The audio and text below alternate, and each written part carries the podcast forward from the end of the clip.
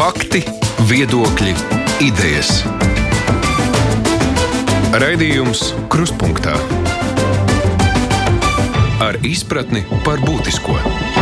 Labdien, studijā Mārija Ansone. Šodien kruspunktā runāsim par valsts kontroles darbu, par plāniem. Šodien uz iztaujāšanu esam aicinājuši jauno valsts kontrolieri Rolandu Irkli, kurš šajā amatā ir stājies pavisam nesen un pametis darbu sabiedrisko pakalpojumu regulēšanas komisijas vadībā. Labdien, Irkļa kungs!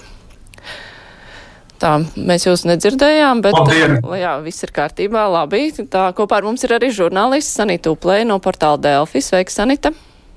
Sveicināti. Un arī Magda Riekstiņa no laikraksta dienas. Sveika, Magda! Labdien! Jā, Irkļkungs, cik tālu jūs esat jau paguvis iepazīties ar visām lietām, aktuālajām revīzijām? Uh, ir izdevies diezgan ātri ierasties kolektīvā. Liels paldies tiešām valsts kontrolas kolēģiem, kas bija ļoti atbalstoši un palīdzēja ļoti ātri saprast, kas ir aktuāls, kas, ir, kas šobrīd notiek, kāds ir aktuāls revīzijas un kādi ir iesākti projekti, pie kuriem valsts kontrola strādā. Uh, Tā kā pirmajās divās nedēļās tiešām ir izdevies ātri iejusties organizācijā, pārņemt organizācijas vadību, ja tā var teikt, un droši turēt to kuģi tālāk. Runājot par aktuālām revīzijām, tad šobrīd, protams, ļoti daudz kas ir saistīts ar Covid tēmu. Tikko arī mēs Saimnes publisko izdevumu revīzijas komisijā ziņojām par trijiem starpziņojumiem, kas ir saistīti ar Covid naudām. Un tur kopumā jau ir 18 starpziņojumi bijuši, un vēl apmēram 14 ziņojumi top. Tātad mēs būsim aptvēruši vairāk kā 90% no visa finansējuma, kas tiek izlietots krīzes seku mazināšanai un dažādiem atbalstiem. Tā kā šī ir droši vien tāda ļoti liela aktualitāte, bet, protams, ka valsts kontrole turpina arī strādāt pie citām aktuālām lietām. Šobrīd ir gada sākums, tas nozīmē, ka ir jārevidē uh, iestāžu pagājušā gada pārskati. Un ir arī atsevišķas iepriekš plānotas revīzijas, tā skaitā diezgan liela, kas varētu būt publiskot marta mēnesī, ir saistīta ar, ar Rīgas domas nekustamiem īpašumiem un to apsaimniekošanu. Tā ir tāda apjomīga, jo Rīgas domas īpašumi ir tiešām vērtīgi, kopumā vairāk kā pusotra miljardu vērtībā. Tāpat drīzumā, kā aktualitāte varētu būt, varbūt publiski izskanējusi revīzija, kas ir saistīta ar tiesību aizsardzības iestāžu skaitu. Tad šim jautājumam tika pievērsts tādēļ, ka izskanēja ideja, ka varētu apvienot šo knabu un, un šo iekšējās drošības dienestu. Bet, bet šeit šī revīzija bija plānota jau iepriekš valsts kontrolē. Jau faktiski pagājušā gadā tā ir revīzijas plānā. Un tur tas tvērums būs lielāks. Kopumā tās ir deviņas izmeklēšanas iestādes, kurām ir tiesības uzsākt procesus pret valsts amatpersonām. Un starptautiskie eksperti ir norādījuši, ka iespējams šis skaits ir pārāk liels un ka tur ir kompetenci pārklāšanās. Līdz ar to valsts kontrolas revīzija būs kopumā par to, kāds ir šīs kompetences, kāds ir sadalījums par šo skaitu. Un visdrīzāk, mums nebūs konkrēts ieteikums, kad jāapvieno ir kāds iestāsts, bet mēs vērsīsim uzmanību uz tām problēmām, kas šobrīd ir identificētas. Jā, es klausītājiem atgādināšu, ka viņi var mums turpināt rakstīt uh, savus jautājumus vai nu sūtot ziņu no mūsu mājaslapas vai uz adresi kruspunktēt Latvijas radio.lv varat mēģināt zvanīt. Ja būs tāds labs brīdis, tad es varu ielaist šo zvanu, ja būs tieši zvans un kāda pauze starp jautājumiem. Bet mums ir jau klausītājs ļoti konkrēti jautājumu uzdevis par uh, saistībā ar pandēmijas naudu. Latvija uzņēmumā Air Baltica ir ieguldījusi simtiem miljonu un nav izslēgts, ka ieguldīs vēl, vai valsts kontrolē nevajadzētu pārbaudīt, vai šī nauda nekrīt kā caurā mucā. Jā, šī pārbauda arī notiek, un tur arī ziņojums drīzumā būs pieejams. Tur aviācijā kopumā mēs esam diezgan daudz ieguldījuši. Tur ir ne tikai arī Baltika, tur ir arī lidosta Rīga un Latvijas gaisa satiksme. Par visām šīm, šiem izdevumiem, šiem piešķīrumiem pārbauda šobrīd notiek, un noteikti mēs sabiedrību informēsim arī par šīs pārbaudas rezultātiem. Mm -hmm. Kolēģi Sanit? Es gribēju jautāt uzreiz, varbūt sākumā. Kā jūs uzņēmāt valsts kontrolē un kā jūs sajutāties? Jo nu, nav noslēpums, ka jūsu priekšstats amatā jūs viszemāk novērtēja saimā komisijās, kad jūs izvērtējat.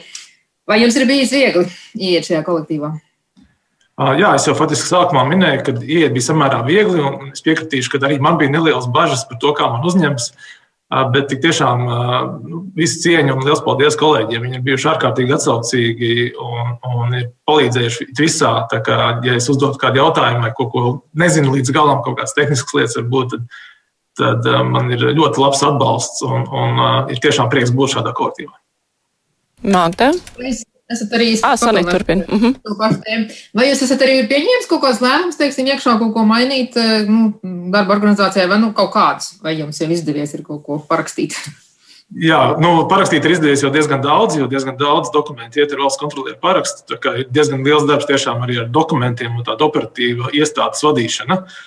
Bet tāds būtiskākais, varbūt, ko ir izdevies paveikt, šajās pāris nedēļās faktiski ir izstrādāta kārtība, kādā tiks veikta jauno valsts kontrolas padomus locekļu atlase.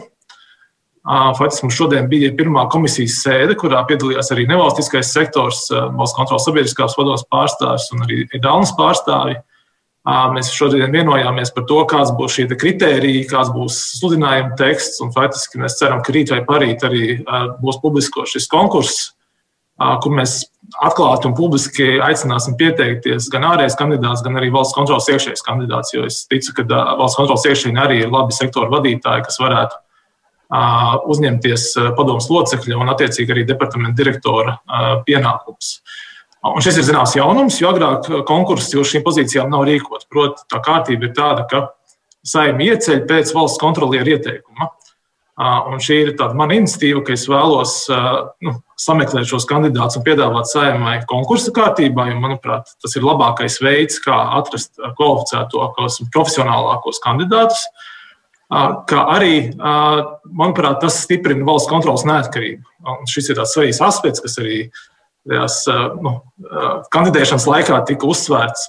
Un šajā atlases procesā ir iesaistīti pilnīgi visi padomus locekļi. Un, un, un komisijā katram padomus loceklim būs viena balss.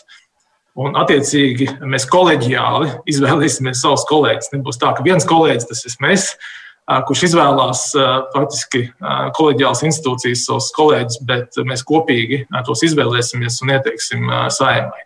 Vai... Šis ir tāds uh, jaunums, varbūt, uh, ko es gribētu uh, minēt kā tādu pirmo nedēļu lielāko notikumu. Bet vai šādai kārtībai vajadzētu attiekties arī uz valsts kontrolieru kandidātu, jo bija pārmetumi, ka saima, nu, varbūt nav pietiekami labi izvērtējusi kandidātu profesionalitāti, ka viņi vadījušies pēc kaut kādiem citiem kritērijiem?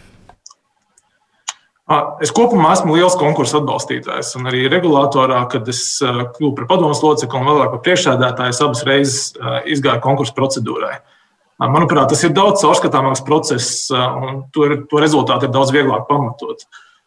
Valsts kontrolieri ieceļ tā, kā tas šobrīd likumā ir noteikts. Tātad faktiski politiskām partijām ir jāatrod šie kandidāti, vai šiem kandidātiem kaut kādā veidā ir pašiem jāpiesakās pie politiķiem, lai viņi varētu par tādiem kļūt. Un te, protams, ir vieta diskusijai, vai arī uz valsts kontroli un citiem līdzīgiem amatiem valsts pārvaldē tomēr nevajadzētu rīkot atklātus konkursus, ka būtu atklāta pieteikšanās, vēl skaidrāk nodefinēt kritēriju, konkursu kārtas, kas tajā konkursā notiek. Protams, ka viss tas šobrīd attiecībā uz valsts kontrolieru izvēli iztrūkst. Tāpēc, manuprāt, tā ir pamatota diskusija, un, un es, es labprāt šo diskusiju turpinātu un, un skatītos, varbūt ir nepieciešama tiešām pilnveidojuma valsts kontrolas likumā un attiecīgi attiecībā uz kontrolieru izvēli. Magda? Man ir jautājums attiecībā uz to, kā valsts kontrole domā sekot līdzi visam, kas saistās ar Covid pandēmijas tēmu. Un konkrēti, vai valsts kontrole domā sekot līdzi vakcinācijas projektu biroja darbībai, jo pat labāk man gan kā nodokļu maksātājai, gan arī kā žurnālistei ir ļoti lielas bažas vai šīs vakcinācijas projekta birojas tiešām nav, kā jau to medijos nodēvēja, tāda valsts naudas slauktu. Kā jūs varat komentēt, vai valsts kontrole sekos līdzi, lai vakcinācijas projekta birojas eh, lietderīgi tērē nodokļu maksātāju naudu? Jā, paldies. Šis arī ir ļoti labs jautājums. Faktiski nu, mūsu tvērumā vai mūsu radarā, ja tā var teikt, ir pilnīgi visi finanšu līdzekļi, kas ir saistīti ar uh, Covid seku mazināšanu un finansēšanu. Un, protams, arī vakcinācijas birojas ir viens tāds ārkārtas pasākums, kas ir izveidots faktiski šo krīzes laiku, tikt galā ar pandēmiju. Tā kā ļoti iespējams, ka arī vakcinācijas biroja izveide un šis finansējums, kas tam ir piešķirts, un tā darbība nonāks valsts kontrolas redzeslokā. Tas, ko es gribu minēt, es, protams, atkal šāds lēmums es vēlos valsts kontrolē pieņemt koleģiāli, tā lai tas nav mans viens, vienpersonisks lēmums uzsākt revīziju kaut kādā virzienā. Bet atkal apspriežoties ar kolēģiem, apzinot resursus viņu departamentos, izvērtējot riskus un prioritātes, tad mēs pieņemtu lēmumu. Bet, bet, manuprāt, šī varētu būt viena no tēmām, kurai pievērst uzmanību. Bet kādā veidā jūs nu, skatāties šīs Covid naudas tērēšanas liederību? Tur atsevišķi tiek skatīti ieguldījumi kapitāla sabiedrībās, atbalsti atsevišķiem uzņēmējiem. Nu, kā tas tiek grupēts un, nu, teiksim, pie kādiem secinājumiem varētu nonākt valsts kontrola, piemēram, ja runājam par atbalstu, vai tas ir bijis proporcionāls tam visam pārējiem, kas ir tērēts? Nu, kā tas pēc tam varētu viss izskatīties? Jā, tas primārais un galvenais fokus ir sākumā, vai tas atbalsts ir piešķirts likumīgi un pareizi, vai tātad paši šie atbalsta piešķīrēji ir ievērojuši tos kritērijus, tās normas, kur viņi ir radījuši. Un, un attiecīgi tas ir pirmais fokus. Tas otrais, ko mēs skatāmies, vai, vai tās procedūras arī sasniedz mērķi. Un, un tas, ko mēs redzam, ir, ir bieži vien, kad tur ir dažādas galības. Ja, sākumā uh, faktiski kaut kādi procesi notika vispār nedokumentēti. Viens personis pieņem lēmumus, absolūti neizsakojami, kādā veidā tas notiek. Brīžiem ir cits galības. Ja? Process krīzes situācijā, ārkārtas situācijā ir pārlieku sarežģīts, sarežģīti administrējams. Kā rezultātā atkal kaut kāda cilvēka paliek aiz borta vai saņem šo atbalstu novēloti. Uz visām šādām lietām valsts kontrole ir vērsta uzmanību. Un šeit atkal ir pozitīvais aspekts, ka faktiski otrajā krīzes vilnī ļoti daudzas no tām mācībām, kas tika gūtas pirmajā reizē, jau ir ņemtas vērā. Faktiski tie atbalsti, procedūras un, un, un, un paši atbalsti kā tādi ir koriģēti atbilstoši valsts kontrolas norādījumiem. Vēl viena lieta, kas ir pamanāma, ka dažkārt līdzīgos apstākļos cilvēki nesaņem līdzvērtīgu atbalstu. Nu, piemērs bija ar to dīkstāstu pabalstu, ka, ja cilvēks uz puslodes strādā vairākās vietās, ja, tad viņam šo pabalstu rēķināja tikai no vienas darba vietas. Un, un rezultātā nu, viņš ir maksājis normālu sociālās iemaksas divās darbvietās, ja, bet viņš nevar pretendēt uz tādu pašu atbalstu kā cilvēks, kurš strādā vienā darba vietā.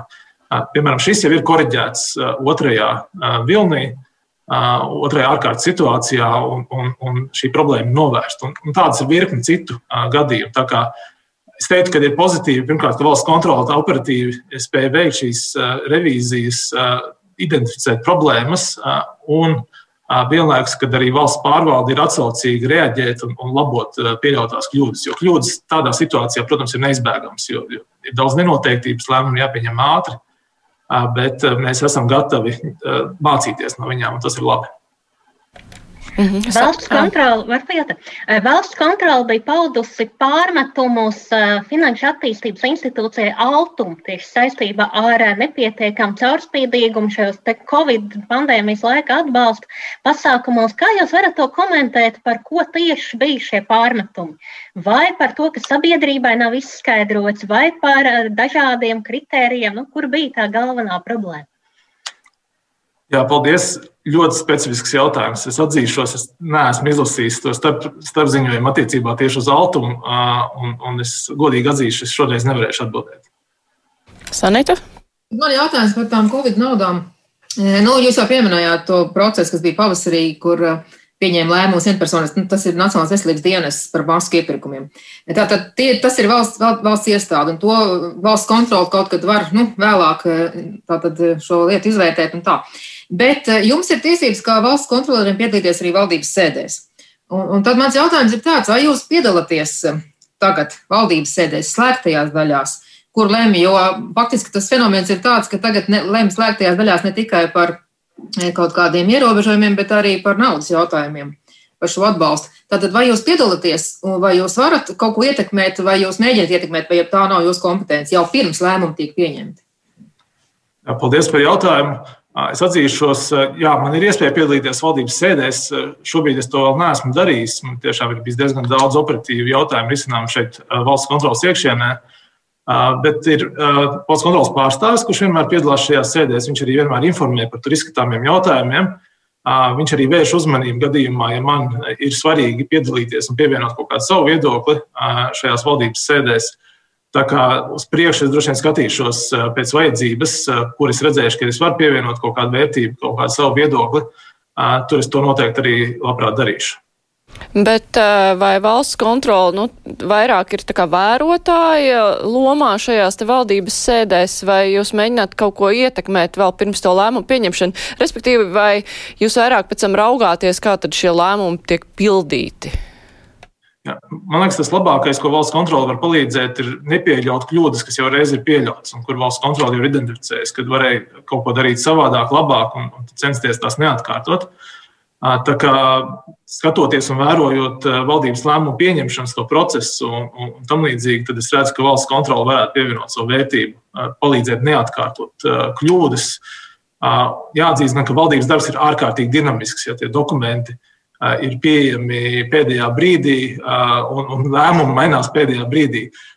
Līdz ar to ir arī jautājums par cik kvalitīvu analīzi valsts kontrole var iedot tik dinamiskā lēmuma pieņemšanas procesā. Es teiktu, ka šobrīd mēs strādājam diezgan dinamiski, ātri skatoties, kāda ir šo lēmumu ietekme, un, un, un pēc tam, kad viņi ir pieņemti, ja, bet iesaistīties tik dinamiskā lēmuma procesā arī varētu būt diezgan izaicinoši. Klausītājs jautā, kādas ir jūsu domas par tā saukto helikopteru naudu no valsts naudas tērēšanas lietderības viedokļa? Labs jautājums. Noteikti, atkal, ja tāda nav tik piešķirta, tad tas atkal nonāktu valsts kontrolas redzeslokā. Tas, kas ir skaidrs, ir, ir divas lietas, un tās arī varbūt zināmas mācības no esošajām Covid naudām. Proti, helikoptera nauda izklausās ārkārtīgi vienkāršs risinājums. Tātad ļoti vienkārši kriteriji, ļoti liels saņēmēju lokus. Tātad ātri naudu sasniegtu mērķi, un nu, trāpīt pa visiem, visiem, visām ģimenēm, kur ir bērni šajā gadījumā, jā, jo tas atbalsts ir paredzēts ģimenēm ar bērniem.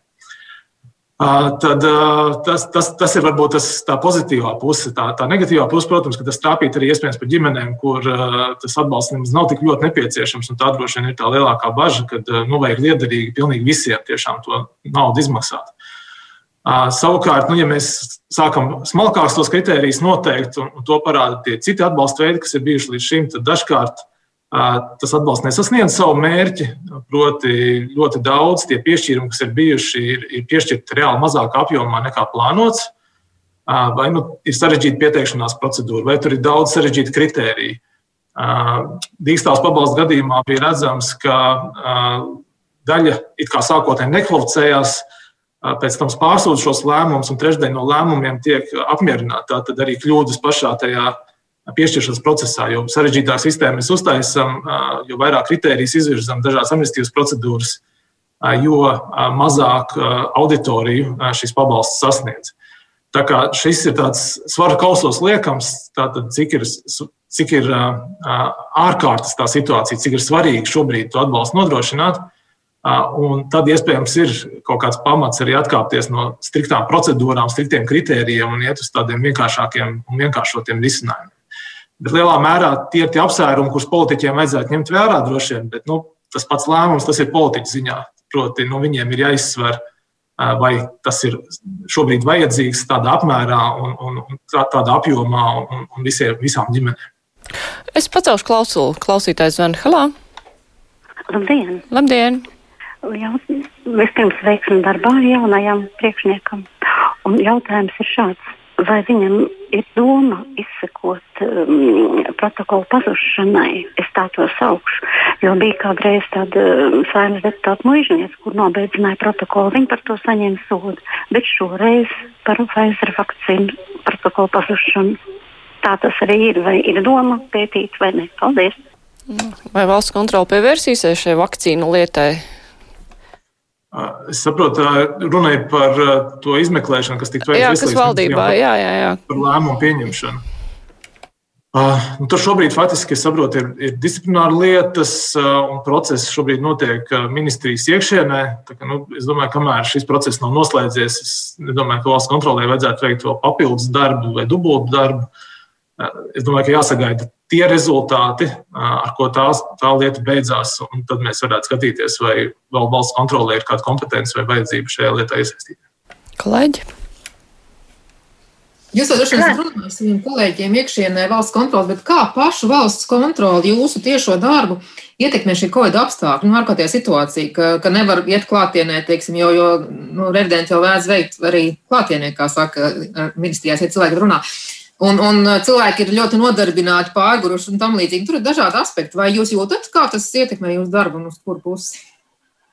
Man, man ir sajūta, ka valsts kontrole ir ļoti labi pielāgojusies šiem apstākļiem.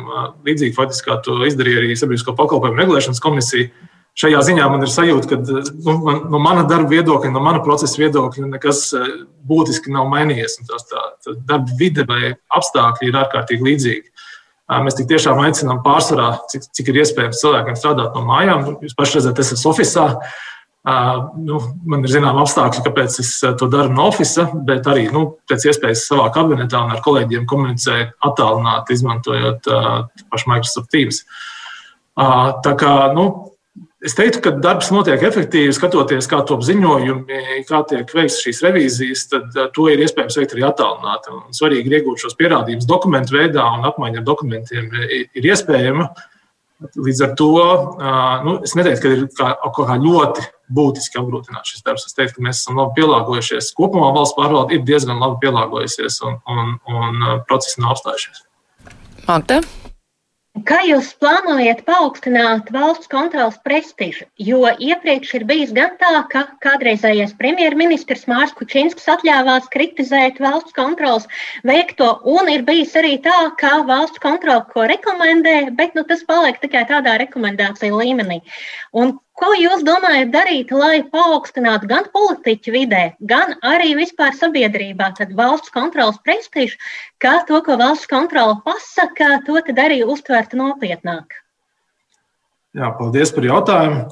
Nu, vienīgais veids, kā celt patiesībā prestižu, ir uh, ar rezultātiem. Tā tad ir jādemonstrē attiecīgi darba rezultāti. Un šeit man ir vairākas idejas, kuras es faktiski prezentēju arī brīdī, kad vēl kandidēju uh, uz šo amatu. Un tas ir saistīts ar to, lai valsts kontrolas darbs sniegtu pēc iespējas tiešām lielāku efektu un ietekmi sabiedrībai, valsts pārvaldei, lai valsts pārvalde kļūtu pēc iespējas efektīvāka un sniegtu pēc iespējas lielus iegūmus sabiedrībai. Un, tur man ir vairākas idejas, kādā veidā to darīt. Un, un tas viens no lielākajiem mērķiem ir palielināt resursu izlietojumu tieši uz liederības revīzijām. Jo faktiski tās liederības revīzijas ir tieši vērstas uz to, lai valsts sniegtu pakalpojumus pēc iespējas efektīvi, produktīvi, ekonomiski. Un līdz ar to tas rada arī to lielāko ietekmi un lielāko iegūmu sabiedrībai valsts pārvaldē. Un man ir vairākas idejas, kā to darīt. Patiesībā valsts kontrolē ir zināms iestrādes, jo jau esošā stratēģijā tas ir paredzēts, ka šis apjoms attiecībā uz liederības un atbilstības revīzijām ir palielināms. Bet nu, man ir vairākas idejas gan kā iekšienē, pārveidojot procesus, mēs varam tos optimizēt, tādā veidā atslogojot darbiniekus no kaut, kādiem, no kaut kāda darba apjoma un vairāk izmantojot viņu darbu liederīgi. Gan tas ir saistīts ar šo revīziju kvalitāti un pilnveidošanu, tad kā attīstīt revidentu prasmes veikt šīs sarežģītās liederības revīzijas, jo viņas ir tiešām atšķirīgas no finanšu revīzijām un daudz kompleksākas. Un vēl svarīga lieta ir tēma izvēle. Tātad, kā pareizi identificēt tās visbūtiskākās tēmas, kurām arī ir nozīmīga ietekme, kur ir augsti riski, vai tur ir liels izmaksas, vai arī, piemēram, tas pakalpojums vai tā valsts funkcija skar ļoti lielu iedzīvotāju skaitu. Tā, šie ir tie jautājumi, pie kuriem es plānoju strādāt, un faktiski mēs jau esam sākuši diskusijas iekšēnē, un, un visdrīzāk tas nu, turpināsies caur valsts kontrolas nākamā perioda stratēģijas izstrādi kā palielināt šo resursu novirzīšanu liederības revīzijām un kā pēc iespējas labāk identificēt šīs sabiedrībai valstī būtiskās tēmas, lai tad nodrošinātu pēc iespējas lielāku ietekmi. Bet svarīgi, protams, ir, kas notiek pēc revīzijas, jo faktiski to ietekmi ir iespējams realizēt ne tikai ne tik daudz savu revīziju, bet faktiski kāpēc tam tās atziņas, tās mācības, tie ieteikumi pēc revīzijas tiek ņemti vērā. Un šeit ir svarīgs darbs tieši sekot līdzi arī ieteikumu ieviešanai un, un iesaistīt arī saimnes publisko izdevumu revīzijas komisiju ieteikumu ieviešanas procesā, iesaistīt sabiedrību, vairāk komunicēt par to, kādi ieteikumi ir ieviesti, kas nav. Jo faktiski šī informācija pēc tam, kas notiek pēc revīzijas, ir diezgan skopa. Arī ieskatoties šobrīd valsts kontrolas mājaslapā, var atrast vispārīgu statistiku par ieteikumiem, kur ir ieviesti, kur nav ieviesti termiņā. Bet tāda izvērstāka informācija par to, kā tas sokās, kāds ir progress konkrētā lietā, to ir diezgan grūti šobrīd atrast. Mans fokus droši vien būs arī šajā virzienā, tātad kā pēc iespējas efektīvi sekot līdzi un, un uzraudzīt šo ieteikumu ieviešanu. Jo tas arī dod to pienesumu. Ja? Nevis pats revīzijas ziņojums, bet tas, kas notiek pēc tam. Bet kā jūs redzat uh, savu sadarbību ar tiesību sargājošajām iestādēm, jo nereti jau arī pēc valsts kontrolas revīzijām tur jau tiek atklāti arī tādi pārkāpumi, kur var ierosināt krimināla lietas, vai jūs jau esat plānojis kādas tikšanās ar ģenerālu prokuroru, piemēram? Jā, mums, es, es plānoju, ka mums noteikti būs šāda tikšanās, jo šāda tikšanās ir nepieciešama arī tādēļ, ka faktiski tikko ir noslēdzies janvāra mēnesī un publiskots revīzijas ziņojums par izmeklēšanu attiecībā uz ekonomiskiem un finanšu noziegumiem. Tur šobrīd top ieteikumu ieviešanas plāns, un faktiski šeit būtu svarīgi valsts kontrolē tikties ar ģenerālu prokuroru, pārunāt tos plānu punktus, kas attiecās tieši uz ģenerāla prokuratūras darbu pilnveidošanu. Tas, ko es esmu sapratis pirmajās divās nedēļās, arī faktiski, ko jau es nojautu iepriekš, kad eh, šis eh, process, kādā veidā valsts kontrole eh, informē tiesību sargājušās iestādes un, un aicina personas saukt pie atbildības, ir diezgan labi atstrādāts. Un, un kā arī Elīte Krūmiņa to ir minējusi, tad faktiski Latvijas valsts kontrole izceļas uz citu Nacionālo revīzijas iestāžu fona ar to, ka ir ļoti aktīvi ne tikai painformēt tiesību sargājušās iestādes, bet arī pārsūdzēt lēmumus, piemēram, ir atteikums uzsākt kriminālu procesu un tam līdzīgi. Man ir sajūta, ka šis process šobrīd valsts kontrolē ir labi sakārtots, un mans mērķis ir noteikti turpināt to tādā virzienā. Tas, kas ir papildus, droši vien, ko es šobrīd arī vērtēju, kādas ir valsts kontrolē iespējas izmantot šīs jaunās pilnvaras, ko piešķīra 19. gadā proti pašai valsts kontrolē piedzīt zaudējumus no amatpersonām, kuras tos ir nodarījušas. Un faktiski tur arī ir jau pirmā informācija par to, kāda analīze ir līdz šim veikta par, par šādiem iespējamiem gadījumiem. Un jāatzīst, ka tur ir diezgan liela virkne kritēriju, kuriem jāizpildās pirms valsts kontrole uzsāk savu procesu. Un, un, mēs informējam tās iestādes, kur ir iespējami šie zaudējumi, un tad viņām pašām vispirms ir jāizvērtē, ir tur pamats prasīt atbildību no amatpersonas vai nē. Un, kas ir interesanti, izskatās, ka pagājušā gadā ir palielinājies to gadījumu skaits, kad amatpersonas pašas ir piekritušas atlīdzināt šos zaudējumus, respektīvi, tas jautājums līdz valsts kontrolē nenonāk. Nu, tas tāds pieņēmums, bet iespējams tie grozījumi likumā jau ir nostrādājuši preventīvi, un, un, un tās amatpersonas nevēlas, lai šī lieta līdz valsts kontrolē par zaudējumu piedziņu vispār nonāktu. Bet katrā ziņā nu, no manas puses es devu uzdevumu attiecīgai daļai. Mums ir speciāla daļa, kas ar šiem jautājumiem nodarbojās rūpīgi sekot šiem jautājumiem līdzi un, un pie pirmās iespējas informēt, kad ir nepieciešams uzstāt attiecīgu administratīvo procesu pret kādu valsts amatpersonu, ja ir izpildījušies visi vajadzīgie kriteriji. Es pacelšu klausuli. Halā! Labdien! Labdien! Es gribētu iekļūt kungam pavaicāt tā. Pirms gada apmēram beidz savu darbu komisiju, saimnes ārkārtas komisiju par OIK jautājumu vai viņš bija uzaicināts uz to komisiju un kā viņš vispār vērtē savu, savu nu, teikt, atbildību pret sabiedrību, tāpēc ka viņš vadīja regulātoru, kur galvenais uzdevums bija regulēt tā mūsu elektroapgādu, tā atbilst daudz maz arī mūsu ekonomiskajai situācijai. Paldies! Atzīšos, uz šo komisiju mani neaicināja. Droši vien iemesls ir tāds, ka SPRK nav ļoti liela ietekme par atbalstu atjaunojumiem enerģijai vai koģenerācijai. Faktiski tie lēmumi visi tiek pieņemti saimnes un ministra kabineta līmenī, tātad, kas lem par konkrētiem atbalstiem, un, un, un tie visi ir MK noteikuma līmenis. Regulators ir piedalījies vēsturiski kā atzinums sniedzējs, bet, bet nevis kā aktīvs virzītājs. Uh, Plus, protams, es esmu piedalījies arī savulaik darba grupā, kas vērtēja iespējas pārskatīt šo atbalstu, mazināt šo atbalstu. Savulaik bija tāda darba grupa. Tā kā jā, uz šo komisiju es neesmu aicināts, un, un nu, man ir droši vien idejas un domas pārdomas par šo procesu arī, ņemot vērā manu profesionālo pieredzi, bet ir jautājums, vai vai šo, šis, šis ir tas brīdis, kad runāt par, par šo jautājumu, bet tas atkarīgs no žurnālistiem droši vien. Ja vēl mēs varam paturpināt. es atgādināšu klausītājiem, ka šodien mūsu studijā attālināti ir valsts kontrolieris Rolands Irklis un arī žurnālists Sanita Uplē no portāla Delfi un Magda Riekstiņa no laikraksta Diena. Mēs turpinām tūlīt. Raidījums Krustpunktā.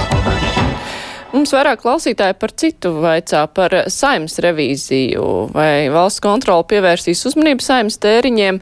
Cik es saprotu, ka tur jau vajag atsevišķu saimnes lēmumu, bet uh, vienu konkrētu piemēru klausītājs raksta, vai tas ir normāli. Deputāts mēnesī saņem 600-700 eiro transporta kompensāciju, vēl atcērt, ka viņam ir džips ar 3 litru dzinēju, vai tad nav robežas bezjēdzīgiem tēriņiem. Skolotājiem reizē ir tā, reizēm ir tāda alga, kā tikai kompensācija. Jā, protams, ka lēmums par saimnes tēriņu revidēšanu ir paša saimnes ziņā, jo šobrīd valsts kontrolas likumā ir ierakstīts, ka saimnes, konkrēti saimnes tēriņus nerevidē. Līdz ar to ir jāgroza valsts kontrolas likums, lai to varētu darīt. Esmu jau publiski iepriekš teicis, ka es tam būtisku šķēršļus neredzu. Lielākajā daļā Eiropas Savienības valstu augstākās revīzijas iestādes revidē savu parlamentu tēriņus. Pēc būtības jau tie parlamentu tēriņi ir, ir tādi paši nodokļu maksātāju līdzekļi, tāda paša budžeta nauda kā jebkurai citai institūcijai. Un, manuprāt, tas būtu iegūms arī pašai saimai, jo faktiski nu, lielāka caurspīdība, atklātība attiecībā uz tēriņiem noteikti varētu palīdzēt arī sekmēt uzticību pašai saimai. Te gan ir iespējami arī atšķirīgi risinājumi. Saimē var piesaistīt arī citu veidu revidentu, kas revidē tās tēriņus. Tā nav obligāti valsts kontrole, tā kā var meklēt arī citus risinājumus. Bet kopumā es domāju, ka tā ideja ir, ir apsvēršanas vērta un, un pie, pie izdevības es noteikti šo jautājumu varētu diskutēt un cilāt arī uh, saimā. Bet tas jautājums bija arī nu, jūsu domas acīm redzot, vai ir jānosaka kaut kāds uh, līmenis, nu cik tālu tad var atļauties kompensēt kaut ko deputātiem, kurā brīdī sākas izšķērdība un kurā brīdī ir nu, tas liederīgais daudzums. Jā, nu, tur ir noteikti jānovērtē tās nepieciešamības un kas tiek kompensēts. Tas transports, attiecīgi, nu, ņemot vērā attālumu, kas arī tiek darīts, vai dzīvokļu izdevumi atkarībā no tā, kāda ir nezinu, vidējie dzīvokļu izdevumi.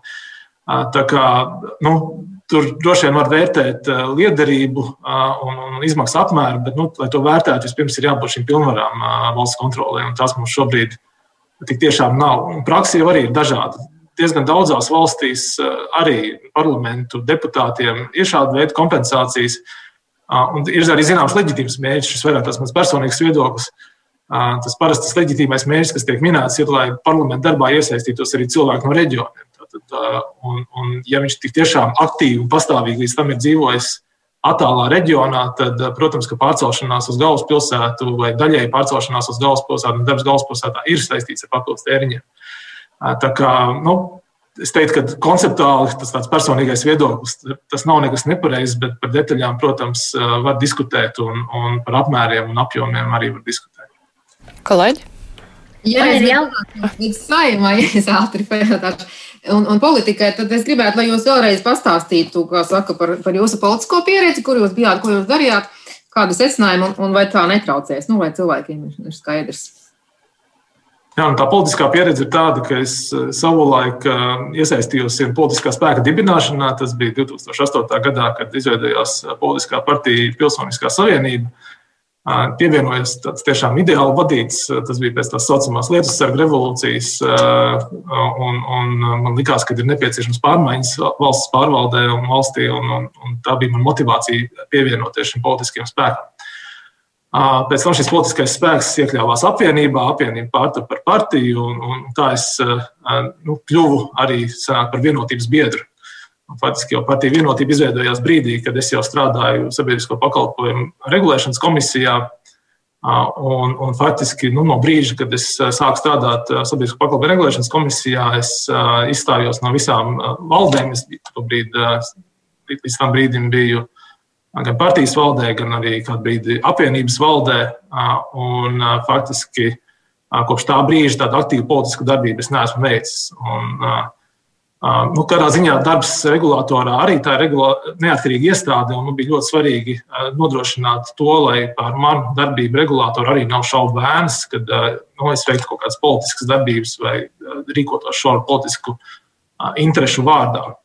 Un, un jāatzīst, ka visā tajā periodā, desmit gadu periodā, es neesmu saņēmis nevienu aizrādījumu vai pārmetumu, ka kāda no manām rīcībām būtu bijusi šaura politiska interešu vārdā. Un jāatzīst, ka pēdējos dažos gados pat nu, ir dažkārt sanākusi publiska saķeršanās arī ar kādiem politiķiem, tā skaitā no vienotības par kaut kādiem regulātoru lēmumiem, kur Es teiktu, ka regulators vairāk skatījās tādā ilgtermiņa griezumā, kamēr politiķiem bija tāda nu, vēlme īstermiņā panākt kaut kādu pozitīvu efektu, bet, bet pasliktinot to situāciju ilgtermiņā.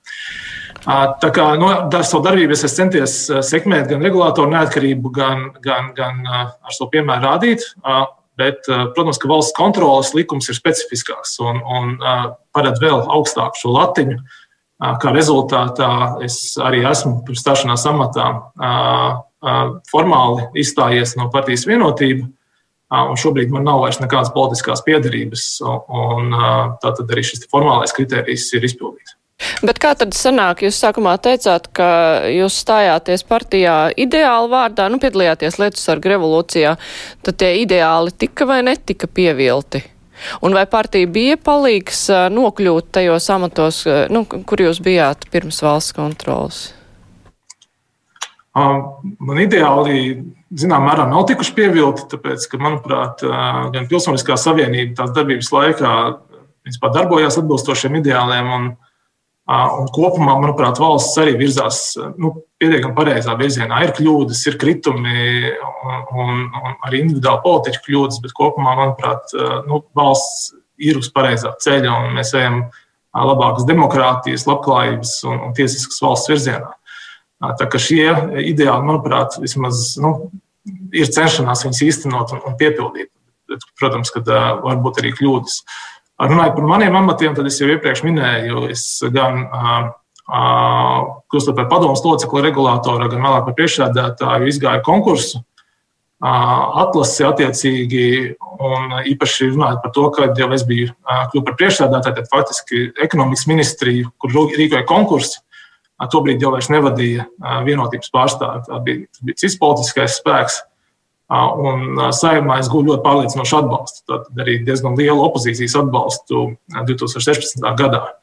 Nu, tas viss kopumā, manuprāt, liecina par to, ka nu, manai karjerai nav bijusi būtiska nozīme vai ne politiskai piedarībai. Es ceru, ka galvenais kriterijs vienmēr ir bijis profesionālisms.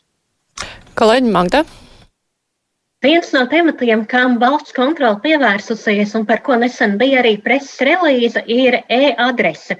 Un eh, preses relīzē bija norādīts, ka privātpersonas eh, nelabprāt šo e-adresi lieto.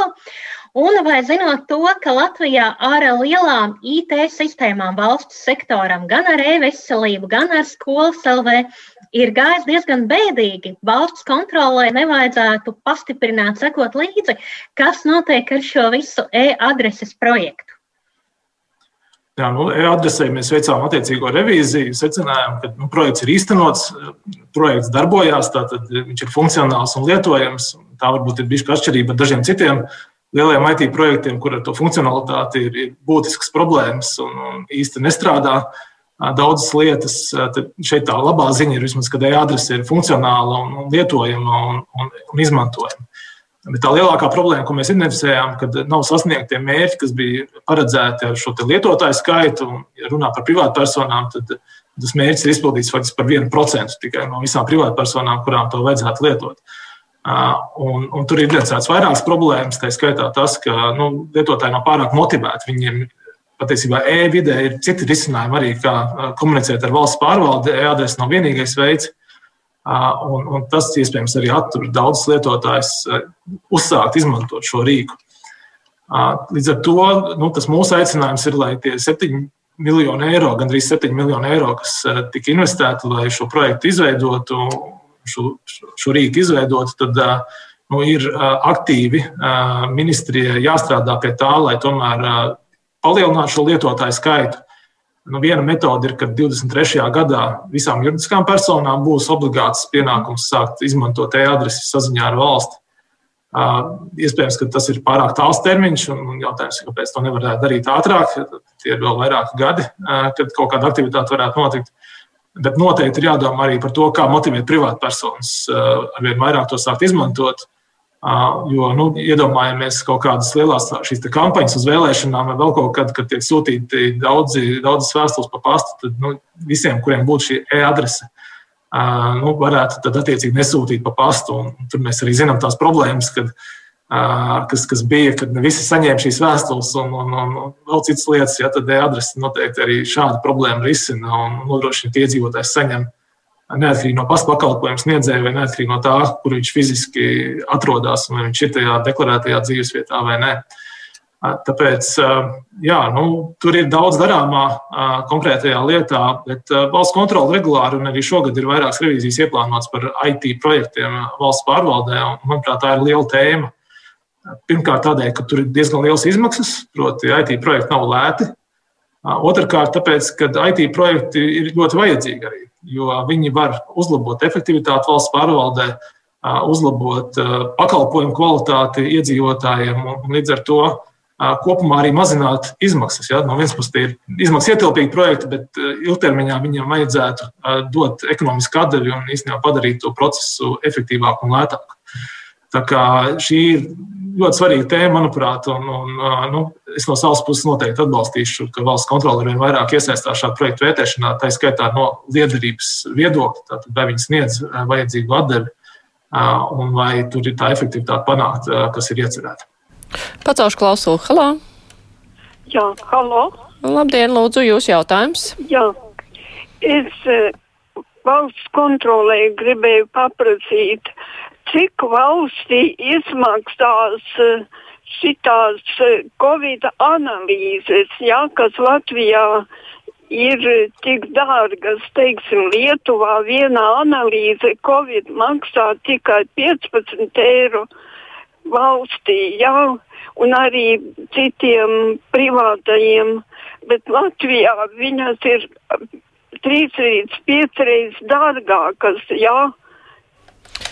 Jā, vai kaut kā tiks pētīts arī, kā tiek tērēta nauda arī šiem jautājumiem, jo uh, bija jau ziņas, ka valdība, nu, ka veselības ministrija izmanto vairāk privātos un uh, neizmanto, piemēram, bioru pakalpojums tik daudz, vai arī šādi tēriņi tad tiks Jā, šis noteikti arī varētu būt valsts kontrolas tvērumā. Arī es esmu pamanījis šīs ziņas par to, ka valsts uzņēmums faktiski ir spējīgs nodrošināt šo pakalpojumu lētāk un, iespējams, lielākā apjomā vai efektīvāk. Tā kā šeit, protams, un, un ir vairāk kārt dzirdēts, šie sižeti redzēti gan, gan iepriekš, gan tagad par to, ka no šī kapacitāte, kas ir valsts uzņēmumam, netiek pietiekami labi izmantota un ka tas iespējams varētu būt ekonomiski izdevīgāk. Kā, protams, ka šāds jautājums varētu nonākt arī valsts kontrolas tvērumā. Skatīsimies pēc tām iespējām, un, un, un vai nevarētu papildināt kādu finanšu revīziju arī ar šādiem jautājumiem, kur izvērtējam šo tēmu. Kolēģi, Vai valsts kontrole domā kaut kādā ziņā vērtēt tēriņus, ko valsts sektors līdz Covid-19 pandēmijas laikā tērē sabiedriskajām attiecībām? Jo mums, piemēram, nesen laikrakstā diena bija intervija ar Mārciņu Bendiku, kurš norādīja, ka nu, rodas iespējas, ka ir ļoti liela tēriņa ar ļoti mazu efektivitāti. Bet nu, tas ir tikai viena cilvēka viedoklis. Vai valsts kontrole vispār domā pievērst uzmanību šim jautājumam? Jā, nu, sabiedriskās attiecības ir vajadzīga lieta. Viennozīmīgi, valsts pārvaldē ir jākomunicē ar iedzīvotājiem, un tāpat e-adreses parādīja, ka nu, vai nu tā komunikācija nebija profesionāla, vai nebija pietiekama apjomā, bet iedzīvotāji šī ziņa par to, ka tur ir kaut kāds labs rīks, ko izmantot, viņas nav sasniegusi. Tāpēc noteikti, ka šī komunikācija un sabiedriskās attiecības ir, ir, ir ļoti vajadzīga lieta.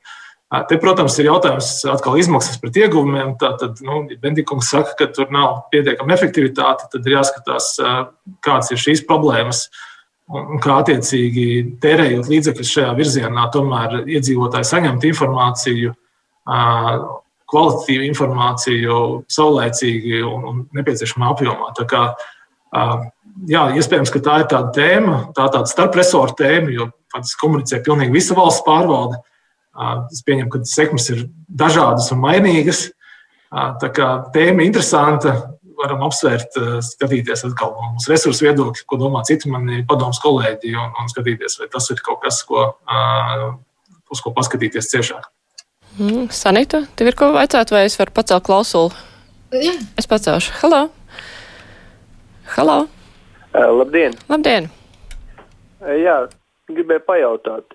Jūs varat jautāt tagad jau. Mm -hmm. à, paldies. Nu, man tāds jautājums, vai nevar būt valsts kontrolē, vai tiksim, pasīties sistēmiski. Mums taču lielie darījumi netiek kaut kā valsts kontrole vispār nepievērš viņam uzmanību vai neredz, vai paliek garām. Tāds kā valsts ieņēmuma dienas, tur zemes nomas līgums, tur bankroti, kuros bankrotējušie miljonāri paliek, teiksim, banķieri un tā tālāk. Mums visu laiku kaut ko tur atsevišķi skatās. Jebkura valsts institūcija faktiski mūsu valstī, diemžēl, ir jāsaka, nu, viņa tikai pēc nosaukuma tāda ir. Bet tā anekdotiski, kaut pat tas pats piemērs ar valsts ieņēmumu dienestēku un tam kungam, kas teica, ka uh, rādio nevarētu runāt par negatīvo, kas notiek mūsu valstī. Es arī maksāju nodokļus, neskatoties to, ka man nepatīk daudzas lietas, kas notiek. Viņš pats var aiziet parciņā un papriecāt. Jā, labi viedokli par to kungu. Nē, bet eh, jautājums bija par tādām ļoti milzīgām lietām un skandāliem, kas ir eh, parādījušies. Un, eh, jā, vai tur ir valsts kontrolē, ko darīt? Nu, valsts ieņēmuma dienas ēka nonāks šogad valsts kontrolas tvērumā. Uh, ir plānota revīzija attiecībā uz valsts nekustamiem īpašumiem. Kā mēs zinām, tas ir valsts nekustamā īpašuma portfelī esošs īpašums. Tā kā noteikti paskatīsimies uz šo jautājumu, beidzot šo plašo revīziju par visu valsts nekustamā īpašuma saimniecību. Runājot par tādām sistēmiskām revīzijām, jā, tad faktiski es, es, viens no maniem virzieniem ir skatīties, kur tiešām varētu risināt kā sistēmiskas problēmas. Jo valsts kontrolē darbs šobrīd ir diezgan fragmentēts. Tādā ziņā, ka departamenti atbild par noteiktām nozarēm, noteiktiem sektoriem, bet ir noteikti tēmas, kuras ir pāri visiem sektoriem. Tad ir jāskatās, kā mēs stiprinām iekšēju sadarbību starp departamentiem un veicam tādas tiešām sistēmiskas, nozīmīgas revīzijas, kas aptver pēc iespējas plašu valsts pārvaldes loku. Un te man arī idejas ir par sadarbību ar valsts pārvaldi, jo teiksim, arī atlases gaitā jautāja, ko tad es saprotu ar to sadarbību. Un šeit man ir uh, idejas, kā savukārt iesaistīt uh, pašas iestādes, viņu iekšējos auditus, uh, tādu sistēmisku revīziju veikšanā. Jo faktiski tas iekšējais audits, ja viņam iedod pareizo metodiku, pareizos jautājumus, arī var veikt izpēti savā iestādē, dot kvalitīvu informāciju, un tad šī informācija ir salīdzināma starp iestādēm, nozarēm un, un tālāk izmantojama secinājumu veikšanai. Tā kā, nu, ir, ir domas šajā virzienā, un, un noteikti, ka ir vērts uh, sistēmiski paskatīties uz lielām, nozīmīgām lietām. Interesants klausītāja jautājums, kas sasaucas arī ar mūsu rītdienas tematu par partiju finansēšanai atvēlēto naudu. Viena partija ir uz izjukšanas robežas, bet ir saņēmusi ļoti lielu valsts finansējumu. Vai tas ir liederīgs tēriņš? Šķiet, ka partiju finansējums arī ir ārpus eh, valsts kontrolas tvēruma. Mums nav tiesības uh, iejaukties šī finansējuma izlietošanas vērtēšanā. Es saprotu, ka tur korupcijas novēršanas apkarošanas birojam ir zināma kompetence. Nu, es atļaušos šoreiz jā, nekomentēt. Kolēģi, Es gribēju, vairāk ir tāds secinājums, un es nezinu, tā ir jautājums, ka no nu, Ingūnas otrā, teiksim, radīja tādu īpašu nu, valsts kontrolas tēlu. Tas viņas, viņas laikā radītais tēls bija tāds, ka valsts kontrole zina par visām jomām, e, kā ir jādara labāk. Ja līdz krūmiņas laikā varbūt tas bija e, tā mazāk, ka, ka vislabāk valsts bet arī tur, nu, tas joprojām tas tā saglabājās, ka atnāk valsts kontrole un pasaka, jūs darat visu nepareizi. Vai jums liekas, ka tam tā vajadzētu būt? Arī mēs tagad redzam, ka tas rezultāts ir tas, ka cilvēks zvana un prasa jums, lai jūs risināt lietas, ko jūs nevarat atrisināt. Vai, ne? E, vai jūs gribat kaut ko šajā mainīt, radīt kaut kādu varbūt citādāku tēlu un varbūt kaut kā precizēt, lai sabiedrība saprot, nu, kas tiešām ir nu, tās jūsu funkcijas, ko jūs varat izdarīt un ko jūs nevarat izdarīt? Nu, valsts kontrole, protams, ir organizācija, kurai ir jāizgaismo problēmas. Tas ir neizbēgami. Tāpēc ir vajadzīga revīzija, tāpēc ir vajadzīgi šie auditi, lai, lai identificētu, kur ir problēmas un kur ir iespēja uzlabojumi. Ja? Un, faktiski, nu, iespējams, tas ir arī zināms veids, kā komunicēt pēc tam par šo. Jo, protams, var pateikt, ka viss ir slikti un viss ir nepareizi. Bet es domāju, ka tā asi ir jākomunicē tajā brīdī, kad tiešām ir kādi rupi pārkāpumi, izteikta nolaidība, negodprātība, krimināla procesa, kur jārosina.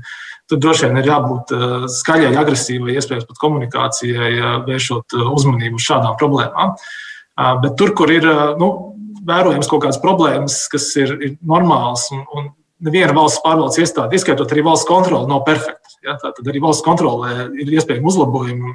Mans uzdevums ir meklēt tos risinājumus un uzlabot valsts kontrolas darbu. Tā skaitā, tur, manuprāt, es gribētu, lai valsts kontrole vairāk uztver kā atbalstu, kā atbalstu, kur palīdz identificēt problēmu, palīdz meklēt risinājumu un uzlabot valsts pārvaldi. Ja? Un tādā veidā arī sekmējot šo valsts kontrolas vīziju, jo šobrīd valsts kontrolē stratēģija ierakstīt vīziju, sekmēt uzticību valsts pārvaldei.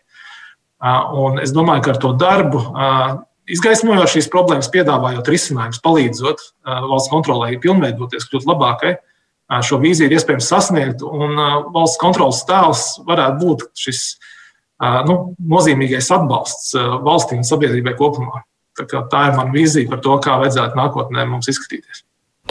Klausītāji arī vaicā, un uh, arī es gribēju pavaicāt attiecībā uz teritoriālo reformu. Mums gan ir ļoti maz laika palicis.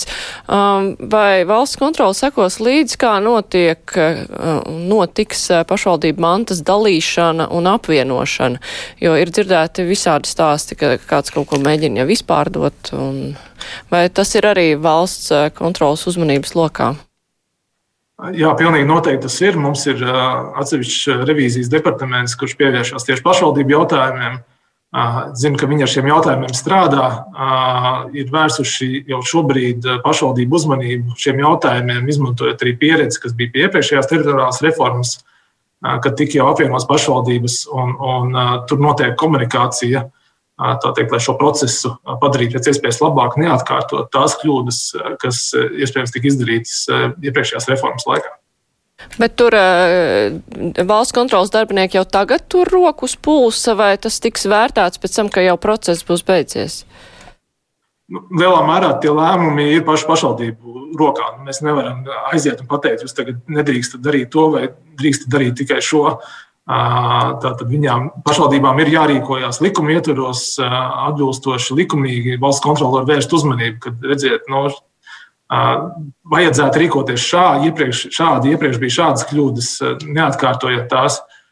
Nu, ja par spīti tam pašvaldības turpinās šīs kļūdas atkārtot, tad, protams, vērsīsim uz to uzmanību un, un iespējams runāsim arī par to skaļāk.